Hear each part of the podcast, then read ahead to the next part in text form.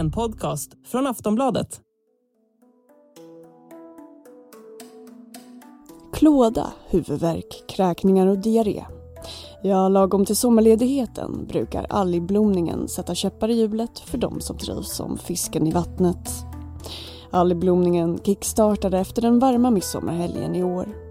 Nu när högsommarvärmen återvänder till Östersjön väntas cyanobakterierna som orsakar algblomningen alstras på nytt. Så vart är det störst risk att algblomningen sätter fart? Vad är det värsta som kan hända om man utsätts för algförgiftning? Hur mycket algblomning tål vi egentligen? Med mig för att reda ut den här gulgröna soppan finns Marcus Lind, marinbiolog på SMHI. Mitt namn är Ronja de Bor och du lyssnar på Aftonbladet Daily.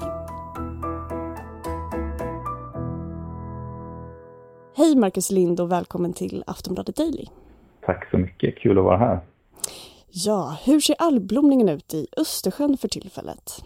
Ja, algblomningen håller på att eh, vänta på bättre tider och nu är det ju liksom eh, lite högre temperaturer här och högtrycksområde som är på väg in eller har kommit in och de har haft det lite kärvt eh, senaste veckan här. Det har varit lågtryck och mycket vindar och lite sämre väder för dem. Då trivs de inte lika bra. Då blandas de ner i vattenmassan istället. Men nu kanske det blir en comeback.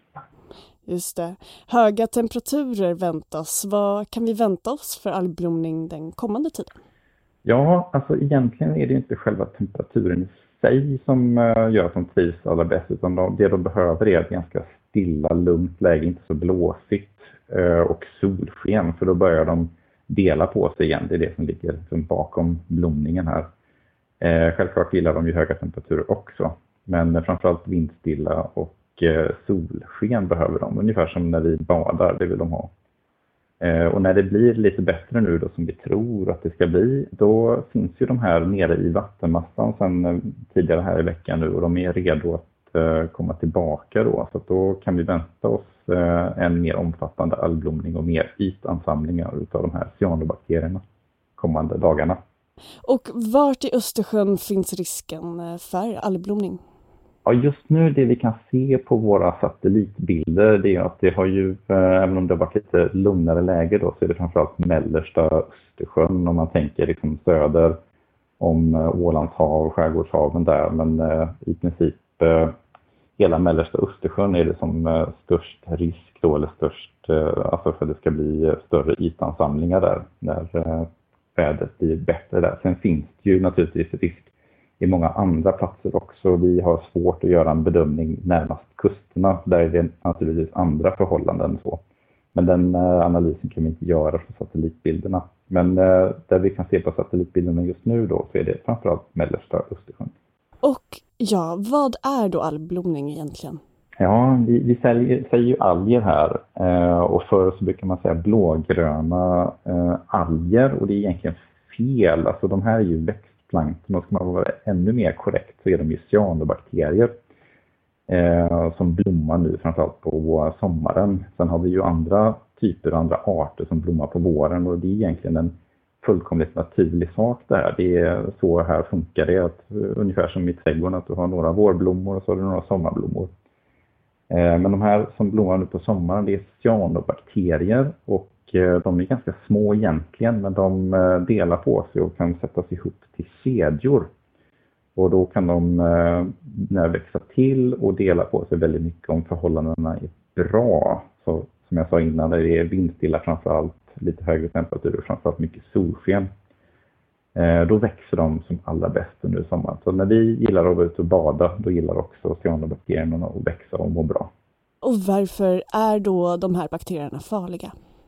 Ja, det är också en sån här intressant fråga, för det är, inte, det är långt ifrån alla cyanobakterier som är farliga då, eller potentiellt farliga.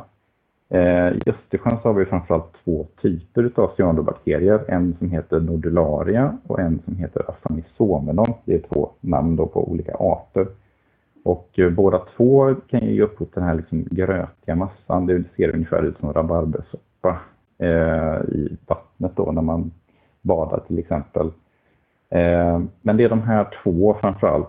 Eh, och den ena, nodularia, den kan vara potentiellt farlig för den kan producera ett toxin, alltså ett gift som den kan ge ifrån sig. Så det är inte själva cyanobakterierna i sig som är farliga utan det är då när de producerar de här, eller kan producera de här eh, gifterna. Men det är bara en av dem framförallt som kan producera det här. Nodularin heter det då. Och när är det högst risk att utsättas för algförgiftning? Ja, också en bra fråga. Eh, vi brukar framförallt eh, hänvisa då till informationscentralerna som Länsstyrelsen har när man har mer frågor om det här. Och skulle man ha råkat ut för en algförgiftning så ska man naturligtvis ta kontakt med Giftinformationscentralen. Eh, men det högsta risken är naturligtvis om man eh, då ser en algblomning. Och även om det kan vara då de här bakterierna som inte är farliga, alltså de här som inte producerar toxin, det kan man inte veta bara genom att titta på det då eh, med blotta ögat, utan då måste man göra mikroskopianalys. Men det är såklart att ser man en rabarbersoppa i vattnet så ska man liksom undvika det, för då finns det faktiskt en risk att man kan utsättas för det här toxinet då. Det finns andra växtbanker som producerar andra toxiner, så man ska inte riskera om man ser den här grötiga eh, rabarbersoppan. Eh, och det är ju framförallt eh, för eh, boskap, husdjur, små barn. Alltså det är då de som, för man behöver få i sig ganska mycket utav det. Men de som inte tänker på det, om barn får kallsupa till exempel, så då kan det eh, vara potentiellt eh, farligt. Då. Och vilka är symptomen på algförgiftning? Ja, det, det brukar eh, såklart också, det kan vara lite olika där och det är framförallt Giftinformationscentralen som eh, man kan kika på. Det finns till och med på 1177 finns det en informationssida om eh, algförgiftning. Men om man tänker så här att om man har, vet om att man har badat och så kanske man börjar känna lite klåda och illamående är det så här vanligt att man kan få även som vuxen då. Men det kan bli så illa som kräkningar och diarré också för de här toxinerna som de här cyanobakterierna kan producera. Men kan man säga, tål man lite algblomning som människa? Det är jättesvårt att säga, men det är som med, egentligen med alla typer av gifter egentligen. Om man får i sig för mycket eller tillräckligt mycket, man kan ju vända på det. Eh, så det är klart att om man är mindre som ett husdjur eller barn, då är det ju naturligtvis en, en större risk. Så. Just det. Och vad är det värsta som kan hända om man utsätts för algförgiftning? Om man tittar på eh, i värsta fall, det har ju funnits fall eh, senaste tiden, de senaste åren, där liksom hundar till exempel har, eh, har dött på grund av algförgiftning. Då. Det är pass starka toxiner som de här cyanobakterierna kan producera. Men så om man är liten som barn och husdjur naturligtvis. Och boskap även som dricker väldigt mycket vatten i kustområden kan ju råka illa ut också. Så det, det finns några sådana fall där det eh, framförallt husdjur och boskap som har råkat väldigt illa ut. Och som människa, vad är det värsta som kan hända om man drabbas? Ja, det är svårt att säga. Alltså, det beror ju på eh, hur mycket man har fått i sig och alltså, storleken på personen eh, så att säga. Men det vanliga är ju liksom det här med att klåda, att man kan bli illamående. Aftonbladet Daily är strax tillbaka. When you're ready to pop the question, the last thing you want to do is second guess the ring. At BlueNile.com you can design a one-of-a-kind ring with the ease and convenience of shopping online. Choose your diamond and setting. When you find the one, you'll get it delivered right to your door. Go to Bluenile.com and use promo code LISTEN to get $50 off your purchase of $500 or more. That's code LISTEN at Bluenile.com for $50 off your purchase. Bluenile.com code LISTEN.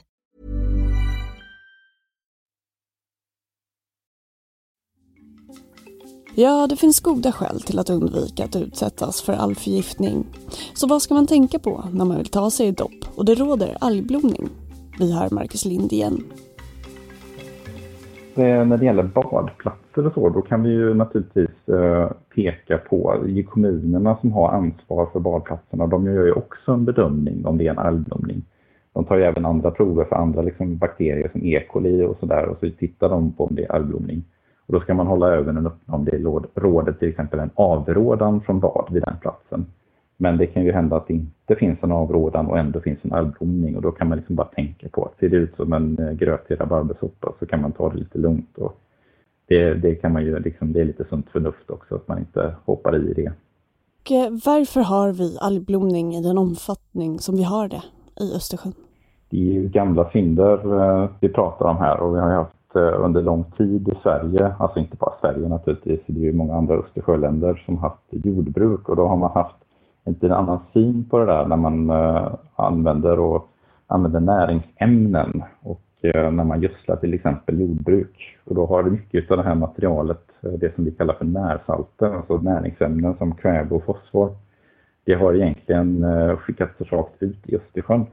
Och det är problematiskt för då Även om de här cyanobakterierna då som blommar på sommaren, de är en naturlig företeelse. De är liksom inget konstigt så, men de har det lite för bra i Östersjön. Och Östersjön är lite som ett badkar, det är inte sådär jättedjupt. Det är inte så mycket eh, omblandning i Östersjön för att det måste få liksom vatten och nytt syrerikt eh, vatten som kommer in från eh, sunden och bälten liksom på andra sidan till entrén i Östersjön så att säga. Och det är lite svårt då med det här utbytet och då blir det som ett badkar. Och de här eh, näringsämnena gör att cyanobakterierna har det lite för bra. Och sen även i det här läget om man skulle börja plocka bort, alltså i teorin då så har man pratat om att man skulle till exempel kunna plocka bort kväve eh, från Östersjön för att minska de här effekterna. Eh, då finns det faktiskt sådana här cyanobakterier som fixerar kväve, alltså de tar kväve från atmosfären istället, så de behöver inte ta kväve från eh, vattnet som finns löst då. Eh, så det är, det är gamla synder helt enkelt och det är det som vi ser nu och effekten den finns, även om det finns tecken på att det blir bättre och jordbruken har blivit bättre naturligtvis också. Och finns det då några åtgärder som kan förminska eller förhindra att läget blir värre i Östersjön? Ja, det gör det. Eh, och som jag sa innan så är det framförallt jordbruken har blivit bättre på att ta hand om näringsämnen och gödsla på ett liksom mer effektivt eh, sätt numera. Eh, och det är ju framförallt liksom samarbeten runt olika länder runt Östersjöområdet då, som tillsammans gör att det blir bättre. Myndigheter har kunnat ta lite bättre beslut och det finns eh, samarbeten inom EU också som gör att det blir bättre just med i jordbruksfallet där. Sen finns det ju andra saker som eh, gemene man kan göra. Eh, till exempel att man inte spolar ut båttoan och innehållet liksom i Östersjön som tillför näring då till systemet. Sen kan man tänka på att man inte gör några utsläpp själv, att man eh, som konsument tankar gräsklippan med akrylatbensin och sådana där små saker som ändå gör, ger en större effekt Eh, till slut. Så det finns mycket vi kan göra tillsammans här. Men läget, eh, det finns tecken på att kvaliteten i Östersjön, eh, alltså vattenkvaliteten blir bättre. Och det finns modeller som visar att om vi fortsätter så som vi gör nu och blir lite ännu bättre på att inte släppa ut mer näringsämnen så finns det hopp för Östersjön. Det säger Marcus Lind, marinbiolog på SMHI jag som gjort det här avsnittet av Aftonbladet Daily heter Ronja de Bor. Simma lugnt.